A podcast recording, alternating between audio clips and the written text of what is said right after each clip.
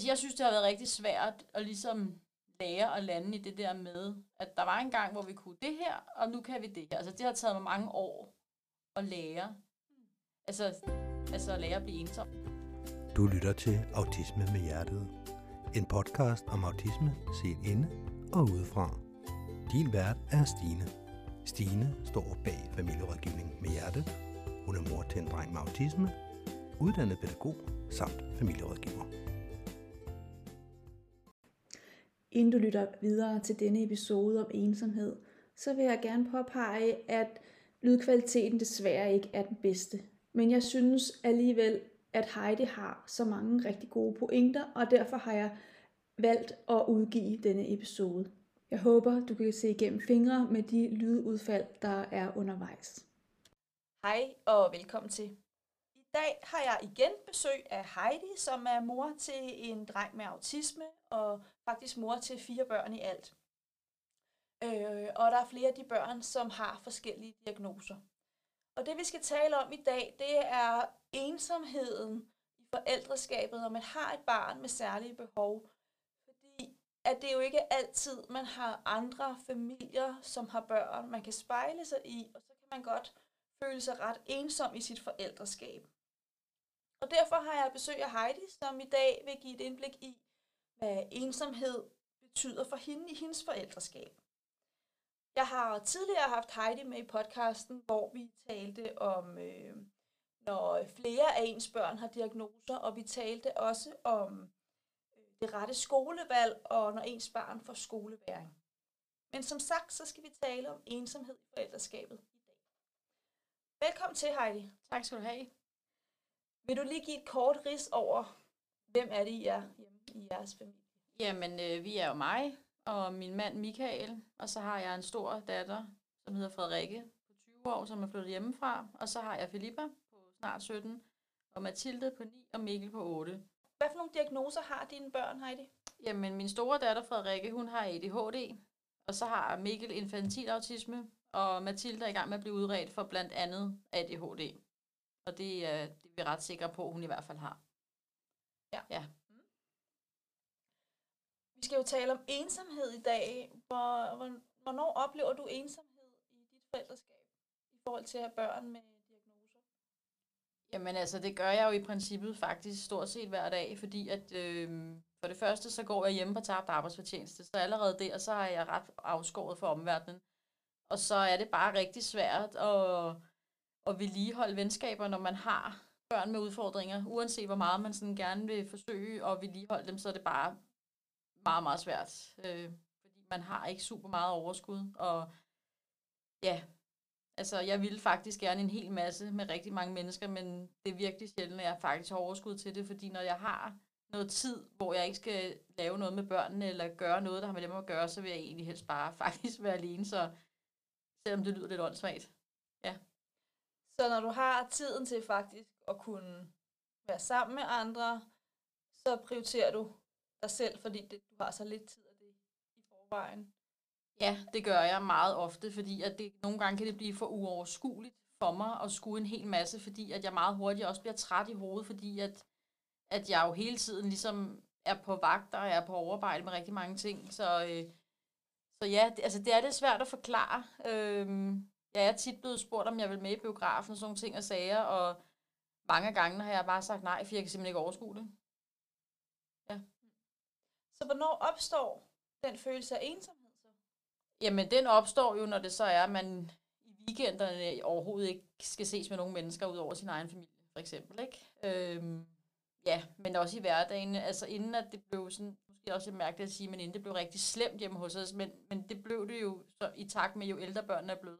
Der kunne vi godt lave de her spontane ting, hvor vi bare sådan skrev til vores venner dagen før, skal vi lige tage zoologisk have i morgen, eller skal vi lige gøre et eller andet? Og det, det er som om, det kan vi bare ikke rigtig mere.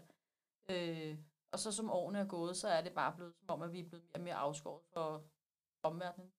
Ja. Og er det fordi, at venner og veninder holder op med at invitere og tage kontakt, eller er det... Nej, nej, det synes jeg egentlig ikke. Altså nu har vi ikke super mange øh, venner, øh, hvad hedder det, øh, og øh, jeg tænker bare, at, at de godt ved, at det måske er lidt svært for os sådan at lave aftaler. Ja. Jeg synes ikke, det er fordi, de ikke tager kontakt, fordi det gør de. Bare ikke så tit måske som førhen. Altså, ja. Og vil du ønske mere kontakt? Øh, det er rigtig svært at svare på, ikke? Fordi nogle gange, så, øh, hvad hedder det, så ringer min veninde, og så får jeg ikke lige taget telefonen. Og øh, så får jeg så heller ikke lige ringet tilbage, fordi at jeg glemmer det, og jeg kommer fra det, og så går der måske en uge, og så lige pludselig kommer jeg i tanke om, at jeg ikke har fået ringet tilbage, og så kan jeg måske også godt se, hvis man sidder på den anden side, så er det også lidt op ad bakke. Øh, ja. Så, så ja, nej, altså det, det, jeg vil egentlig ikke, altså jeg, jeg synes også, det, det er virkelig et, det er et rigtig, øh, altså det er sådan rigtig svært at forklare, hvad det egentlig er, man sådan egentlig godt, hvordan man egentlig godt kunne tænke sig, at tingene var, ja. synes jeg. Fordi, ja. hvad er det egentlig, man gerne vil have? Øh, fordi vi, vi vil jo igen ikke have, altså vi, vi har jo heller ikke overskud til hele tiden at skulle lave noget med alle mulige mennesker, men, men vi savner det alligevel. Og det gør jeg jo især nok også, men det er måske også, fordi jeg ikke går på arbejde. Så jeg har heller ikke den her sociale relation, som Michael for eksempel har. Han går jo på arbejde, og han har også en fritidsinteresse, som han dyrker rigtig meget. Øh, så han ser jo rigtig mange andre mennesker. Ja, så, ensomheden for dig kan også handle om, at du rent faktisk jo ikke ser særlig mange voksne mennesker i almindelig, altså i hverdagene, og sådan faktisk ja, i det... lange perioder, så ser du selvfølgelig Michael, når han kommer hjem. Men... Ja, ja, men det, jo, det, det, det kan du have ret i. Det, det kan godt handle om det. Altså, så er det jo bare min mor, jeg ser. Øh, og sådan, altså, de fagpersoner, vi nu engang har med at gøre, ikke? Ja, ja altså, ja. Jeg synes bare, det var lidt vigtigt at snakke om, fordi jeg ser jo også hver dag på de sociale medier, at folk taler om det her ensomhed her. Øh, men det er jo bare rigtig svært. Jeg kan ikke bare altså, få mig selv til for eksempel at tage afsted i flere dage øh, væk på et eller andet ophold med en eller anden. Altså, det, det vil jeg heller ikke kunne. Så måske sætter man jo også lidt sine egne begrænsninger nogle gange. Ja. Ja, hvor at det måske faktisk godt kunne lade sig gøre, valgte at prioritere det, men det gør du ikke, fordi du ved også godt, du har en familie, som faktisk har brug for dig. Ja, er det sådan? ja det, er, det er sådan, det er. Altså, jeg har lidt svært ved, ligesom, og sådan, også fordi jeg ved, at Mikkel, han, han har rigtig svært ved, at jeg bare sådan er væk i for lang tid. Og det er jo ikke fordi, at jeg ikke tænker, at Michael øh, kan klare tingene. Det tænker jeg egentlig godt, han kan. Men jeg ved jo også, hvor svært det er at være den, der ligesom er tilbage. Og i og med, at jeg er vant til at være der rigtig meget, så er det også bare rigtig svært at tage væk. I hvert fald for mig. Ja. Ja. Men det er meget genkendeligt, fordi jeg, jeg kan jo godt sidde og sige, hvorfor det må du prioritere. Øhm, men jeg kan også tænke, det har jo også en pris at lave den prioritering, når så man kommer tilbage igen til familien. Øh, ja, det har det i den grad, fordi at der kommer jo en reaktion. Altså Mikkel vil jo helt klart reagere, altså hvis jeg er væk for længe. Ikke? Og for eksempel her i weekenden, der var vi øh, til fødselsdag, og vi var væk i ret mange timer, øh, hvor han var alene med sine aflaster. Og det er jo ikke, fordi han ikke kan det, men det er så også altså, en, en ny aflaster, vi har, og øh, da vi nåede sådan hen af efter, øh, altså vi var ved at skulle til at hjem, men der, der, der skrev hun, at han savnede os, ikke? og nu var han faktisk ked af det, ikke? Så, og der havde vi været væk i øh, syv timer, ikke? Så, og så hele dagen efterfølgende, der var han bare slet ikke, som, altså, der, der kunne man godt mærke en reaktion, ikke? Så det er jo også sådan noget, at det, det kan man heller, altså det, det er rigtigt, jeg orker ikke, du ved, at skal tage afsted hen, være væk i mange timer, og så skal bruge en hel dag efterfølgende på ligesom at redde trådene, eller hvad man kan sige, altså ligesom at få ham i, no, i, i øh, normal rytme igen, det, det, det, det, det er hårdt. Altså, ja. ja. Ja, det er det, jeg mener med, det, det har en pris, ja, det har det. Som, som nogle gange kan være højere, end egentlig man fik denne her, de her timer for sig selv, eller sammen med venner, eller hvad man nu har lavet. Ja, ja, ja fuldstændig rigtigt. Og det er jo ikke fordi, fordi jeg kan jo godt lide at komme ud og sådan noget. Når vi så også er ude til nogle forskellige ting, så nyder jeg det jo også helt vildt meget. Øhm, det gør jeg. Men, men, men sådan som det var før, hvor at jeg sådan kunne, altså hvor vi sådan kunne gøre alle mulige ting, og, og tit sås med andre mennesker, sådan er det jo bare ikke mere. Og det synes jeg har været svært også at, at sådan lære at leve med. Og så sagde du noget, hvor du sagde, men, men det er også svært, for hvad er det egentlig, jeg gerne vil? Altså, gerne have kontakt med nogle øh, altså andre mennesker, voksne mennesker, øh, venner veninder, og de må gerne tage kontakten til dig, det synes du er rart. Så det er jo også svært at som udeforstående, tænker jeg, at ramme plet. Øh, Ja, det tænker jeg også, det er. Øh, hvad hedder det? Og jeg ved jo ikke, altså jeg, fordi jeg sidder jo ikke på den anden side, så jeg ved jo ikke, øh, hvad man så skal gøre, men jeg synes bare, det er, altså jeg har virkelig svært ved egentlig at sætte ord på, hvad det egentlig er, jeg mangler, fordi jeg ved det faktisk ikke, men jeg kan bare mærke, at jeg, altså, når man er meget alene, så bliver man sgu også bare sådan lidt speciel. Altså, og, og jeg tror også bare, at det kan være sådan, altså det der med, at man sådan kommer for langt væk fra, fra fællesskaberne, det er jo heller ikke øh, super sundt. Øhm, og så tror jeg bare, det kan være rigtig svært at finde tilbage til sådan en normal hverdag igen, hvor man sådan gør en masse ting. Og igen, så kan vi jo ikke alle de her spontane ting, som vi engang kunne. Øhm, og det er jo heller ikke altid, at altså, hvad hedder det, nogle af vores venner er også rigtig flinke til at sige, vi kan bare komme hjem til os. Det vil vi også rigtig gerne, men det har også bare nogle konsekvenser, fordi vi kan sagtens have Mikkel med. Nu er det lige Mikkel, jeg taler om nu her, fordi han er ligesom den, der er mest sådan kompleks at have med ud. Men han har rigtig svært ved at være i det, fordi at han har jo en særinteresse, øh, og den særinteresse vil han jo rigtig gerne rode med, når vi er hos andre mennesker, så det overtager ligesom alt, mens vi er der, og det resulterer sig i, at han stort set ikke spiser noget mad, og han drikker heller ikke, mens vi er der, og når vi så skal hjem, så kan han ikke forstå, at vi skal hjem, og så bliver han rigtig sur, og så er han svær at få til at sove, og så er dagen efter, den er også bare super meget op ad bakke. Så, så det er jo også sådan nogle ting, hvor man sådan sidder og tænker, det orker vi næsten ikke. Så derfor så bliver det også tit sådan, så, så bliver det bare hjemme hos os, at det ligesom er, når der skal være noget. Ikke? Ja. Ja, så det med at få lov at være gæst og bare dukke op, øh, for det, det kan der jo også være noget i, det kan der jo også være noget rart i, øh, men det, det har en for høj pris, så er det nemmere, det er hjemme hos jer. Men det betyder jo også, at det er jer, der skal være værter og gøre klar og ja, alle de der ting ja. til, når gæsterne kommer. Ja, jamen, ja, det er fuldstændig rigtigt. Øh, og, og hvad hedder det, når jeg sådan selv lige sidder og snakker om det nu, så, så kan jeg godt sådan sidde og tænke, det lyder jo, altså, det lyder jo ikke som om, at det umiddelbart behøver at være så stort et problem, men, men det er det altså.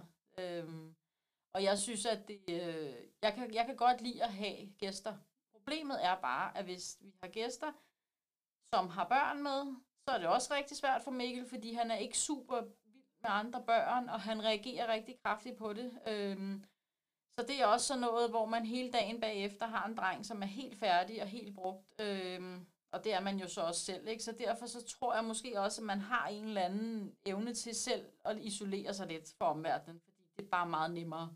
Øh, I hvert fald, når man har et barn med autisme, Øhm, fordi det gør det bare meget mere sådan komplekst at gøre de her almindelige ting.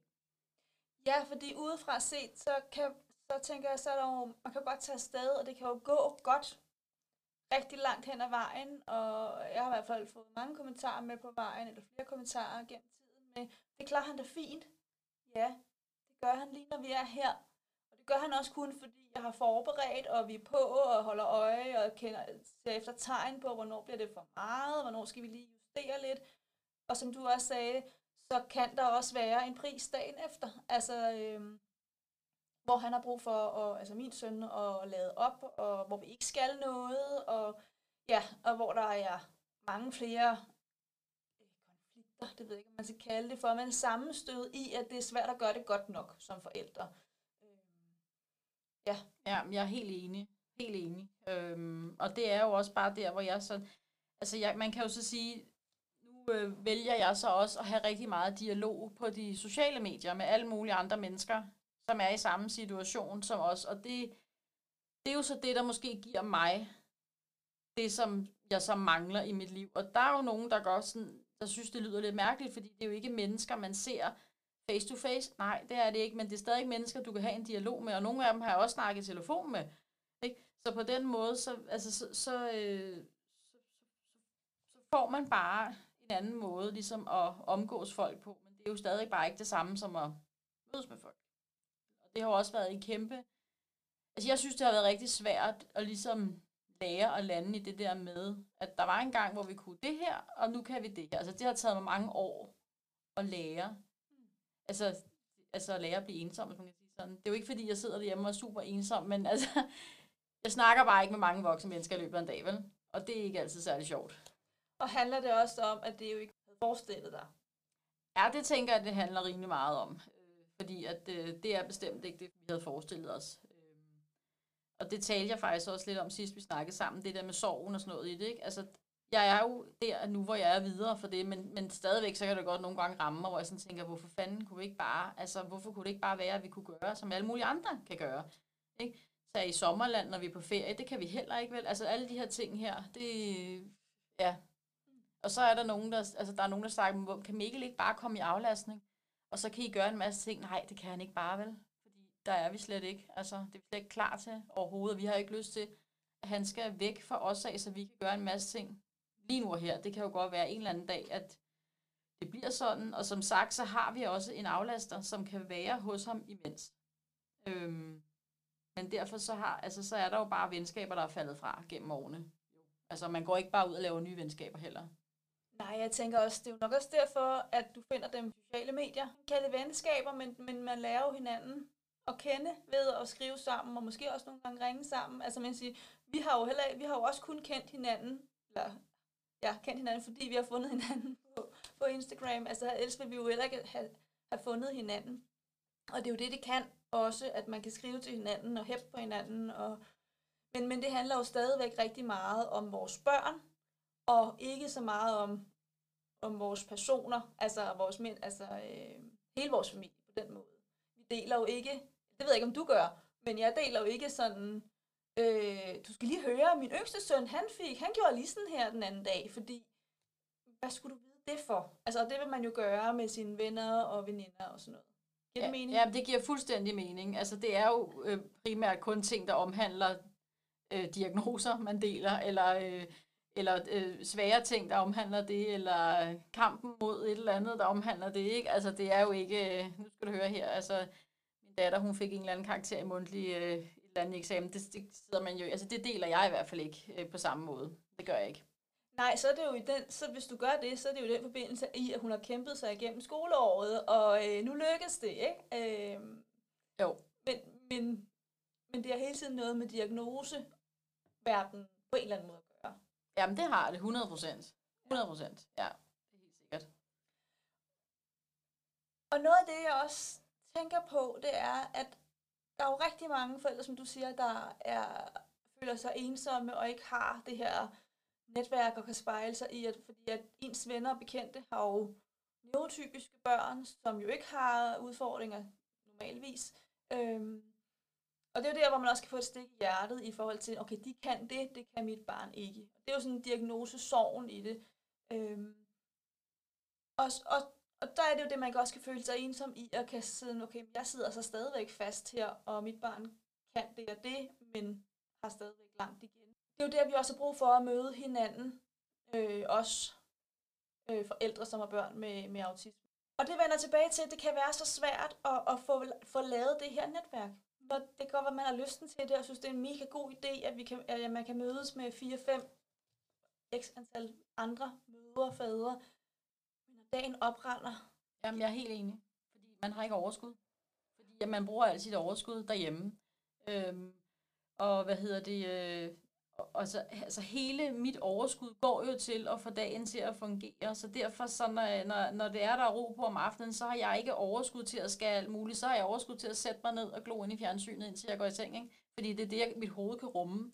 Øh, og, hvis, og, og jeg kan jo godt mærke også selv, at, at når jeg så kommer på overarbejde sådan rent mentalt, hvis jeg skal ting, hvor jeg sådan skal ud og være på og skal sådan præstere, så er jeg også helt færdig to dage efter derfor så, så kan jeg også godt være tilbøjelig til at vælge de her ting fra. Øhm, altså bare sådan en simpel ting. Altså nogle gange, hvis jeg har skulle for eksempel til et eller andet sådan omhandlet sådan noget egenomsorg for mig selv, har jeg nogle gange aflyst tiden og rykket den, fordi jeg simpelthen ikke har haft overskud til det. Altså, hvor åndssvagt det end lyder, men det har jeg simpelthen ikke. Og jeg sådan, kan simpelthen mærke en lethed i min krop, når jeg så rykker de her aftaler, fordi jeg ligesom om, så slapper jeg fuldstændig af, fordi det bliver simpelthen for, for uoverskueligt at skulle gøre det. Øhm, for jeg, for jeg har også sådan siddet og tænkt, kunne man, kunne man lave et eller andet, hvor man sådan arrangerede noget møde mellem forældre, sådan der var sådan i, i den situation, vi er i. Altså nu mødes vi nogle gange med forældre i Smilfonden, men det omhandler jo ikke sådan med børn med autisme. Det er jo sådan mere bare børn, der har forskellige kroniske og alvorlige sygdomme, som Mikkel han også har. Øhm, og der, der, har vi nogle, der er vi nogle gange med til sådan nogle arrangementer. Øh, men det koster altså også på, på overskud, det gør det. Og jeg har sådan siddet og tænkt, kunne man ikke lave et eller andet, hvor man mødtes, men altså, der er godt nok langt fra tanke til handling. Altså, jeg kan slet ikke øh, overskue overhovedet, hvad man egentlig skulle gøre for at, altså, og igen, så er der jo også, altså, der er jo også dem, der er enlige, som er med deres børn, ikke? Og de kan jo heller ikke vel bare tage ud, ikke? Øhm, så ja, jeg synes, det er svært. Nej, det, det er jo det, der er så svært, ikke? Fordi jeg synes, der har været, der har været dannet ret mange fysiske netværksgrupper rundt omkring. Øh, nu bor vi jo begge to i Storkøbenhavn, så, så der er jo sådan rimelig mange mennesker omkring os, og alligevel så øh, at få de her grupper op at stå, er jo bare vanvittigt svært, for så når vi onsdag, og så dukker der ikke særlig mange op alligevel, fordi de, ja, som du siger, slet ikke overskue Altså energien er brugt for den dag. Ikke? Og så er der enlige, som jo også er svært ved at komme afsted. Og det var også det, der gjorde, at jeg lavede den her online netværksklub, ikke? fordi så, tænkte, så skal man i hvert fald ikke ud på samme måde. Man skal ikke ud af døren. Man, man skal bare tænde computeren og tjekke ind. Øh, og jeg har det sådan ikke, kom som du har det. Øh, så, så man behøver ikke hverken at sætte hår eller være overskudsmæssigt. Man behøver ikke sige noget. Man kan bare være. Øh, og alligevel der, hvor man bare, nu laver jeg citationstegn, bare skal møde op, er det jo stadigvæk svært. Øhm, fordi det er stadigvæk en aften, eller nu er det både aften og formiddag, men, men det, det kan stadigvæk være en hindring, selvom mange mødre eller fædre rigtig gerne vil være med. Ja, det kunne jeg godt forestille mig. Altså jeg er jo ligesom en af dem, som godt ville have været med i den der, du snakker om, men jeg kunne simpelthen ikke overskue det. Fordi jeg tænkte, kan det så overhovedet lade sig gøre på de tidspunkter, og, og, det, så, så kom jeg frem til, at det kan det ikke. Fordi der er, altså det, der er ikke ro på hjemme hos os der, så det, øh, og jeg ville, ville gerne have deltaget, men det, igen, det, det bliver bare for svært. Altså, ja. Altså, jeg bliver træt på forhånd faktisk ved tanken om det, ikke? Og, det, og det er sådan helt sindssygt at sidde og tænke på, fordi sådan har jeg aldrig været før. Altså, jeg har altid gerne ville en hel masse. Men nu kan jeg blive træt ved tanken om at skulle noget. Altså, så jeg på forhånd, altså, at bare det at skulle det her i dag faktisk, det har jo også krævet en, en kæmpe planlægning, ikke? Øhm, og jeg ved også, at resten af dagen i dag, der er bare træt. Øh, på grund af det. Ja, Ja. ja. Ja, fordi du er ude i verden på en Ja, eller anden måde, jamen, ligesom fuldstændig. Ja. Jamen fuldstændig, og Ja. ja. det lyder fuldstændig latterligt, men, men det koster simpelthen så meget på mit overskud, det gør det virkelig. Altså det er, så jeg ved ikke engang, altså øh, nogle gange kan jeg også sådan sidde og, og sådan sige til mig selv, og det er heller ikke sådan, at jeg sidder derhjemme i et hjørne og græder over at være ensom. Det er slet ikke det, det handler om, fordi det gør jeg bestemt ikke, men jeg kunne bare godt, altså nogle gange kunne jeg bare godt tænke mig at se nogle flere mennesker, men så igen, så har jeg da sådan, men hvordan skal jeg gøre det, fordi jeg har jo ikke overskud. Altså, så måske er det bare sådan noget ønsketænkning. Måske er det egentlig bare tanken om, ønsket om at være i en normal familie, hvor man kan de her ting. Det er måske egentlig også bare det, det handler om. ja, og måske er det også ønsket og tanken om, hvor fedt det er at kunne mødes med nogle venner og veninder, og få lov til at hygge sig og bare være. Men, men, men, i den her pakke, så skal der heller ikke være noget, når man kommer hjem. Så skal det også bare glide derhjemme. Altså det er jo også det, der gør, at man ikke kan slappe af, når man så er afsted. Fordi man ved godt, der er, der er en, der er på arbejde derhjemme. Og så har det også en pris, når man så kommer hjem. Det, for mig kan det i hvert fald godt være den tanke i, ej, hvor kunne det bare være fedt at se nogle flere veninder, eller tage i biografen, eller et eller andet. Og så standser den der. Ja, det gør den også for mig. Altså, det, den, jeg, jeg kan også sådan sidde og tænke, så kunne man også gøre det, og man kunne også gøre det, og, og så, øh, så bliver jeg sådan, jeg bliver helt træt, bare når jeg begynder at tænke de her ting, fordi jeg ved jo godt, at det kan jeg jo ikke. Altså, fordi så i morgen, hvad så, og, og hvad så, hvad, og jeg, jeg bruger også rigtig meget tid på sådan at spekulere, når jeg er væk, hvad foregår der derhjemme.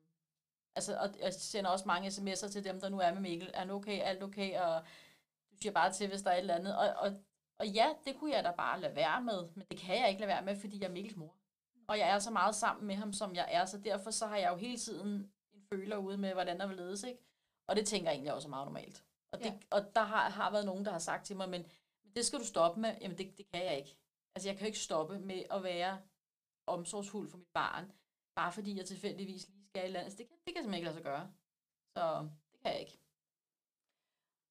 Og kan det også handle noget om, hvor belastet man som familie har været i en lang periode?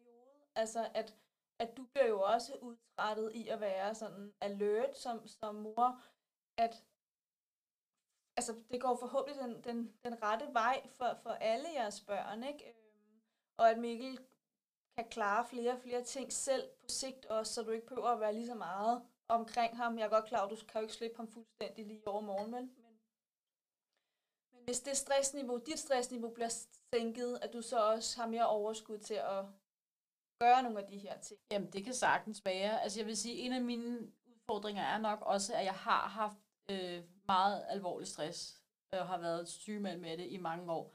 Og øh, selvom jeg sådan er kommet ovenpå, og det er jeg alligevel ikke helt, fordi jeg, så har jeg fået nogle kroniske følgevirkninger af det, som aldrig kommer til at gå væk, i hvert fald hvad jeg har fået at vide. Ikke? Øh, og det er blandt andet, at mit hoved kan ikke rumme særlig meget. Øh, og jeg, øh, jeg bliver rigtig hurtigt træt, og, og bliver rigtig sådan fyldt op også, så derfor så, så, øh, så tror jeg heller ikke, at jeg sådan kan komme tilbage til, som det engang var. Øh, det, det tror jeg simpelthen ikke, jeg kan. Jamen det er det, og det er jo små skridt, ikke? Ja, altså jeg ja. godt, det er jo også det, for at sige, det Ja. bliver jo ikke i morgen. Altså det, det, det her, det tager jo lang, lang tid, og det er jo, det er jo også det, der bliver så udtrættende i, at, at det er jo en lang, lang sej proces. Nu har jeg haft ham i otte år, det vil sige, I har været på arbejde i otte år, øhm, i forhold til at få ham til at trives, og hvad, hvorfor er det, han reagerer, så man gør hele den proces i det også, ikke? Fra starten. Jamen, det er rigtigt, og man kan så også sige, at, at så kan det jo også være sådan, at når man endelig har et barn, der sådan er i trivsel, så er man jo også, eller det er vi i hvert fald, nervøse for at falde tilbage. Så derfor vil vi jo helst heller ikke lave for mange udsving, som går uden for normalen lige nu, sådan så at, at det bare sådan bliver ved med at køre, og hvis vi laver nogle udsving, hvor vi sådan lige pludselig begynder at gøre nogle andre ting, jamen, så kan det jo også være, at han, at han, at han ryger ud af sin trivsel, og det er vi jo egentlig heller ikke super interesseret i. Øh, Fordi lige pt, der går det egentlig okay derhjemme. Så det er også for at holde fast i, at det, der fungerer, skal blive ved med at fungere. I tør ikke satse eller lige prøve noget af, for det kunne være sjovt. Nej, det kunne ikke være sjovt. Nej, altså det synes vi ikke i hvert fald. Og man kan jo så sige, at, øh, at, at Michael, han har jo en interesse, som han dyrker rigtig meget, og hvad hedder det, øhm, der er også tit nogen, der siger til mig, hvordan kan du holde det ud? Men det kan jeg godt, fordi det synes jeg, han skal have lov til. Øhm, det eneste jeg, problem, jeg har ved Michaels interesse nogle gange, og det ved han godt, det er, at jeg bliver misundelig over, at han har en interesse. Altså, det er mit problem. Mit problem er, ikke- altså han, han går til skydning, og det gør han hver weekend. Øh, og nogle gange, så er han også, øh, altså han er væk i mange timer. Øhm, og mit problem er egentlig ikke, at han er væk, fordi jeg er jo alene hver dag alligevel, så det skal jeg nok klare. Mit problem er, at han rent faktisk får lov til at komme ud og snakke med voksne mennesker, og hygge sig og have noget at gå op i. Og det, det er sådan set det største problem, jeg har omkring hans interesse, og det ved han godt. Han ved fuldstændig, hvordan jeg har det. Øh, og nogle gange kan jeg også sådan grine lidt af det, ikke? fordi det lyder sådan lidt åndssvagt, når man siger, at jeg, er sådan, jeg er helt vildt misundelig på, at du går til skydning, ikke? fordi jeg gider ikke at gå til skydning, men det er bare tanken om at have, at have et eller andet, der bare er super interessant, man kan dyrke. Men som djævelens advokat, Heidi, hvorfor gør du det så ikke selv? Måske ikke lige gå til skydning, men så gå til noget andet. Jamen igen, jeg kan ikke overskue lige nu. Fordi øh, han siger også tit til mig, men du kan jo bare selv gøre et eller andet. Jamen det kan jeg godt, men hvad skal det være til at starte med? Fordi jeg aner det ikke lige nu. Og to, jeg har ikke overskud til det. Det kan godt være, der kommer en dag, hvor jeg tænker, åh, det her, det vil jeg helt vildt gerne. Og så kan man måske stille og roligt sætte det i gang, men det er jo ikke noget, at jeg bare sådan fra, okay, om 14 dage, så får jeg bare en hobby, og så skal jeg bare dyrke det. Det, det, det kan jeg jo ikke. Altså, nej. Men det er mere misundelsen i, altså det er faktisk, det kan være sådan en misundelse for mig, hvor jeg sådan tænker, uh, hvor er du irriterende, at du har den her hobby. Ikke? Ja. ja. Selvom det lyder åndssvagt. Nej, men jeg synes, det, det er jo det er nogle genkendelige følelser, tænker jeg, ikke? Øhm, og så, så møder jeg også bare rigtig mange forældre, som, som rigtig gerne vil det, som du også siger. Men, men og man så udefra kan sige, så gør det dog. Så find dog en hobby, så gør dog noget. Øhm, men, men det er bare ikke en mulighed, fordi at man rent, altså sin egen energi er så lav. Så, så det der med lige at gå ud og finde noget og få ko- komme i gang med det, det er ikke der Nej. at, at man vælger at prioritere, at en- energien skal gå til. Også selvom, at ja, når først man kommer ud, så får man jo mere energi. Ja, men man skal stadigvæk have en vis portion overskud for at kunne gøre. Ja, det skal man. Ja. ja. Og derfor så vil jeg også hellere, når jeg har tid, bare sætte mig ud i min have. Nej, det er jo det der med at finde de små åndehuller i hverdagen. Ikke? Så når du ikke kan gå ud og med veninder og venner, øh, hvad er det så, du kan, når du nu er derhjemme sammen med Mikkel og resten af dine børn? Fordi jeg ønsker jo heller ikke at blive mere træt af at gøre noget, bare for at gøre noget. Fordi det er jo heller ikke, altså det føler jeg ikke er sundt for mig heller, vel?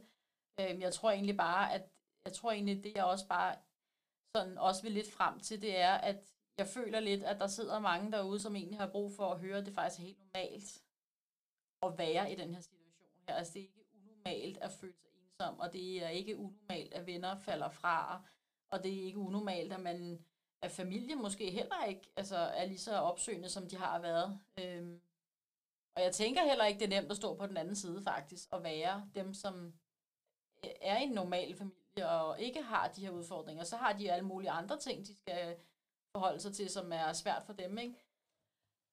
Så jeg synes, det er, altså, det, er bare, øh, det er bare noget, som er værd at sætte lidt fokus på, synes jeg. Ja, for del, at det er faktisk ret normalt. Jeg hører også, det er jo ikke sådan, du er kronisk ensom. Altså, det er jo ikke den, men den stikker jo nogle gange i hjertet, tænker jeg. Det kan det i hvert fald gøre hos mig, hvis jeg ser andre familier gøre noget, som du siger, så tager de i sommerland eller et eller andet. Det gad jeg da også godt, Ja, lige præcis. Altså vores, altså vores weekender går stort set alle sammen med, at vi bare er derhjemme. Ikke? Øh, så en sjældent gang imellem, så tager vi ud til min mor øh, og er der. Og det er jo også, altså det synes jeg var rigtig hyggeligt. Og det kan Mikkel også rumme og være i øh, til en vis grænse. Ikke? Men, men alt det der med at, at fare rundt og, og ses med alle mulige, altså, det, det gør vi bare ikke mere. Altså, nej. Og jeg har faktisk talt med Michael om det øh, mange gange, og han har faktisk sagt, han har faktisk ikke, heller ikke behovet mere. Men han er også et helt andet menneske, end jeg er. Altså, han, han er meget anderledes end mig. Øh, så han, det er slet ikke noget, han går rundt og spekulerer på. Det siger han i hvert fald, han ikke gør.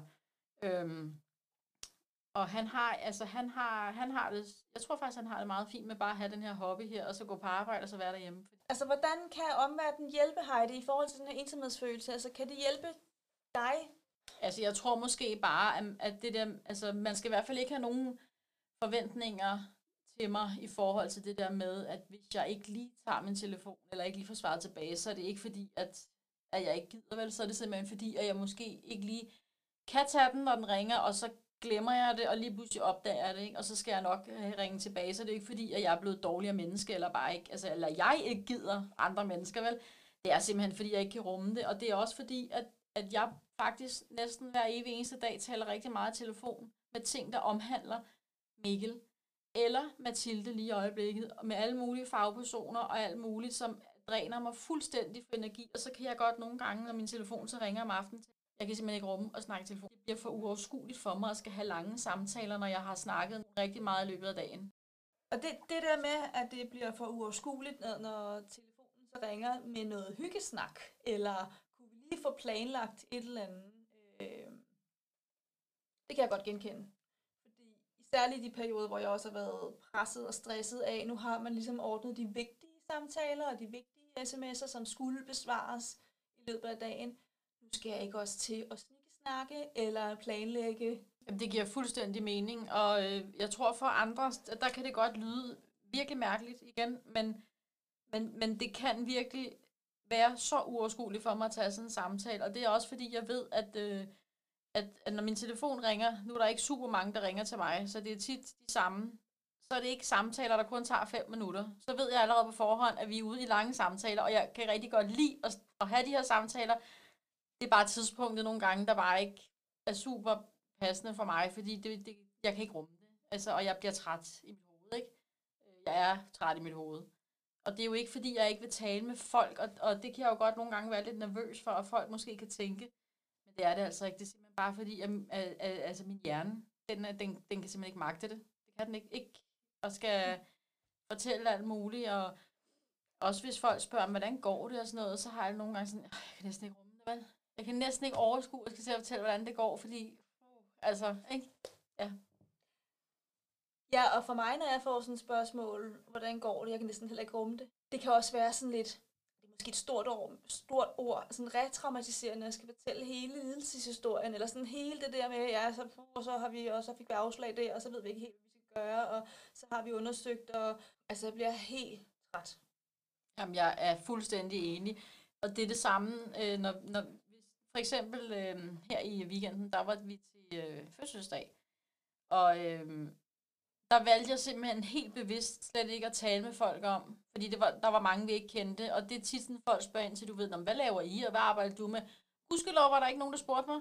i lørdags, om hvad arbejder du med, fordi jeg havde sådan, jeg kan næsten ikke overskue at skal sige, om jeg har tabt arbejdsfortjeneste, og så vil folk jo sige, hvorfor er du det? Og så skal jeg til at fortælle hele historien om, hvorfor er jeg på tabt arbejdsfortjeneste. Og altså, jeg er ikke en af dem, der selv i hvert fald altid sådan fortæller, nu skal I høre her, og vi har en søn, og vi har en datter, og vi har også en datter mere med udfordringer og sådan noget, fordi jeg kan simpelthen ikke rumme det. Altså det er kun, hvis man helt tilfældigvis kommer ind på det, så, så vil jeg da gerne fortælle om det, men jeg er ikke typen, der bare sådan begynder at sidde og snakke løs, fordi jeg, jeg magter det simpelthen ikke. Nej, og handler det også om, at dem, der så spørger til det, faktisk heller ikke helt forstår, hvad du snakker om? Det kan sagtens være. Altså, hvis det er folk, man ikke kender, så kan man jo ikke vide, om- om de overhovedet kender til det. Øhm, hvis vi helt tilfældigvis kommer til at tale med folk, hvor man sådan kan fornemme, at de måske selv har et barn, uden at man ved det, hvor der er noget, så kan jeg godt sådan komme ind på nogle emner, men, men jeg hader, for, for at være helt ærlig, så hader jeg faktisk, når folk, jeg ikke kender, siger til mig, hvad arbejder du med? Og så allerede der tænker jeg, hvad skal jeg svare? jeg, ikke? Fordi så vil de jo gerne have historien, og det kan også bare nogle gange. Og det er jo ikke fordi, at man skal sidde og lyde som sådan en eller anden, der bare er indelukket, eller sådan totalt bitchy, eller hvad man skal sige. Men, men det kan godt bare... Jeg tror, det er fordi, man er i den her verden hele tiden. Det er jo også derfor, at jeg skriver så meget, jeg gør på Instagram om vores liv. Fordi så har jeg det sådan, så kan du, hvis du har lyst, følge med i det der. Og så behøver vi ikke hele tiden at skal fortælle vores familie og vores venner, hvad status er. Fordi nu ved jeg jo tilfældigvis, at de fleste følger med, og, og hvis de så har lyst til at læse det, så kan de læse det, og hvis de ikke har lyst til at læse det, så behøver de ikke at læse det, og det er jo heller ikke sikkert, at de er interesseret i hele tiden at vide, hvordan går det, men der er bare, altså det er bare tit folk siger til mig, "Nå, men hvordan går det så, altså, og hvad med det og hvad med det og jeg var sådan, jeg siger, Åh. ikke? og man kan jo heller ikke bare sige, "Jamen, det, det, det, det er så fint, fordi det er det jo sjældent, ikke? Altså, ja, Ja. ja. Jeg synes, det er svært, altså, Ja. ja. For mig handler ensomhedsfølelsen om, når jeg lige pr- præcis bliver spurgt om nogen, som jeg ikke kender, eller nogen, som jeg kender, men som ikke helt hvordan, ved, hvordan det går. Og det der med, hvordan går det? Og det der med at forklare, hvordan det går.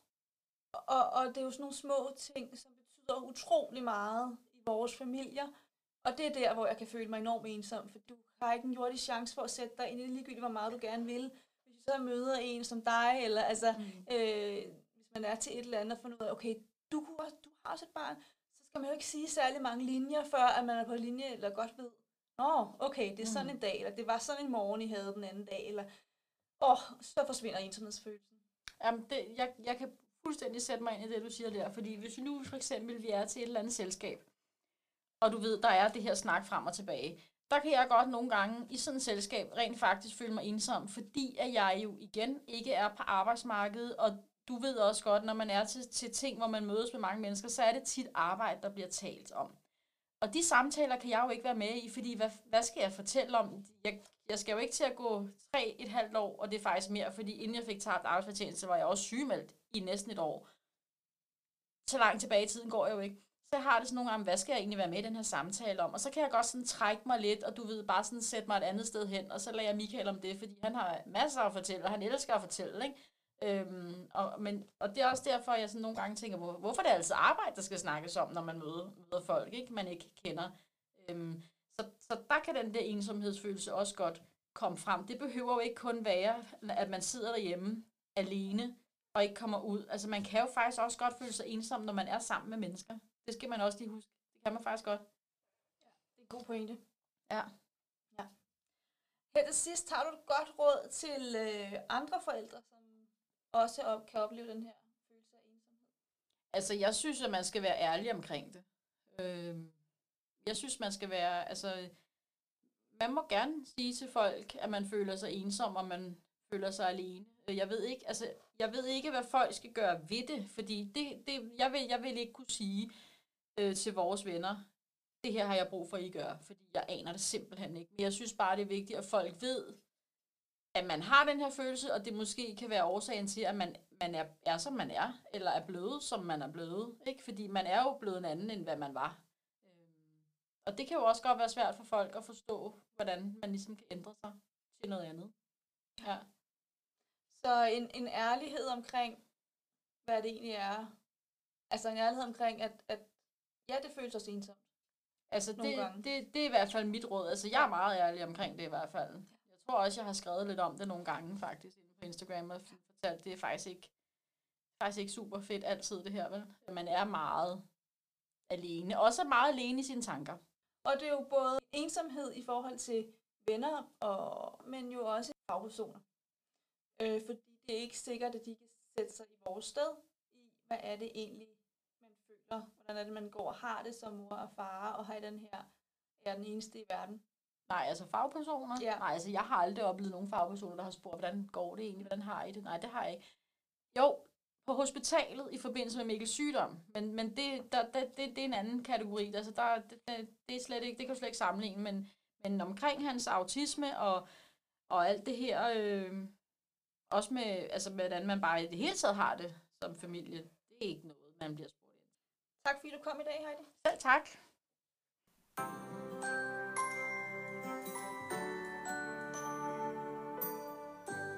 Det var besøg af Heidi, som i dag fortalte om den ensomhedsfølelse, som hun har oplevet som mor til et barn med særlige behov.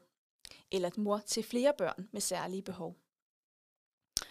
Heidi kom ind på de ting, der kan være svære i forhold til, at når man er rigtig meget sammen med sine børn med særlige behov, som for eksempel autisme, og ikke har det sociale liv og fællesskab i forhold til en arbejdsplads. Hvad gør man så?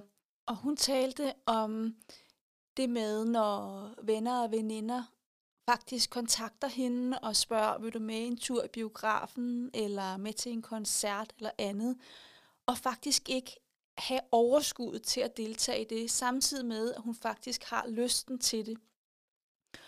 Heidi fortalte også, og det synes jeg er meget genkendeligt, det med, at venner og veninder eller familie kan ringe eller sms'e, og man ikke lige får besvaret opkaldet eller svaret på sms'en.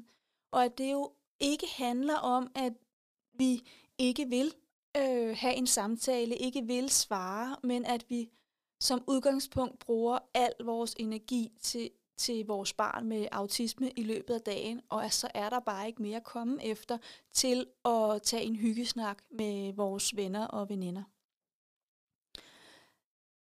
Står du også med denne her oplevelse af ensomhed, så kan du komme med i mit online netværksklub, som er en øh, klub, hvor vi mødes kun online. Det vil sige, det var også det, jeg talte om i podcasten, at det kræver ikke, at du skal ud af døren øh, en onsdag aften. Det kræver, at du tænder computeren og logger dig på. Og som jeg også sagde, så er der altid øh, det øh, motto i min netværksklub, kom som du har det. Så man behøver ikke deltage og kunne sige en masse, man må også godt bare lytte på og, øh, og på den måde være fælles om, om vores barns udfordringer, om vores børns udfordringer. Du kan læse mere om netværksklubben inde på min hjemmeside Familierådgivning med Hjertet. Nu kommer dagens citat, og dagens citat fortæller, at der findes en, løsnings, en løsning på ens længsler, og at i længslen, der findes der håb.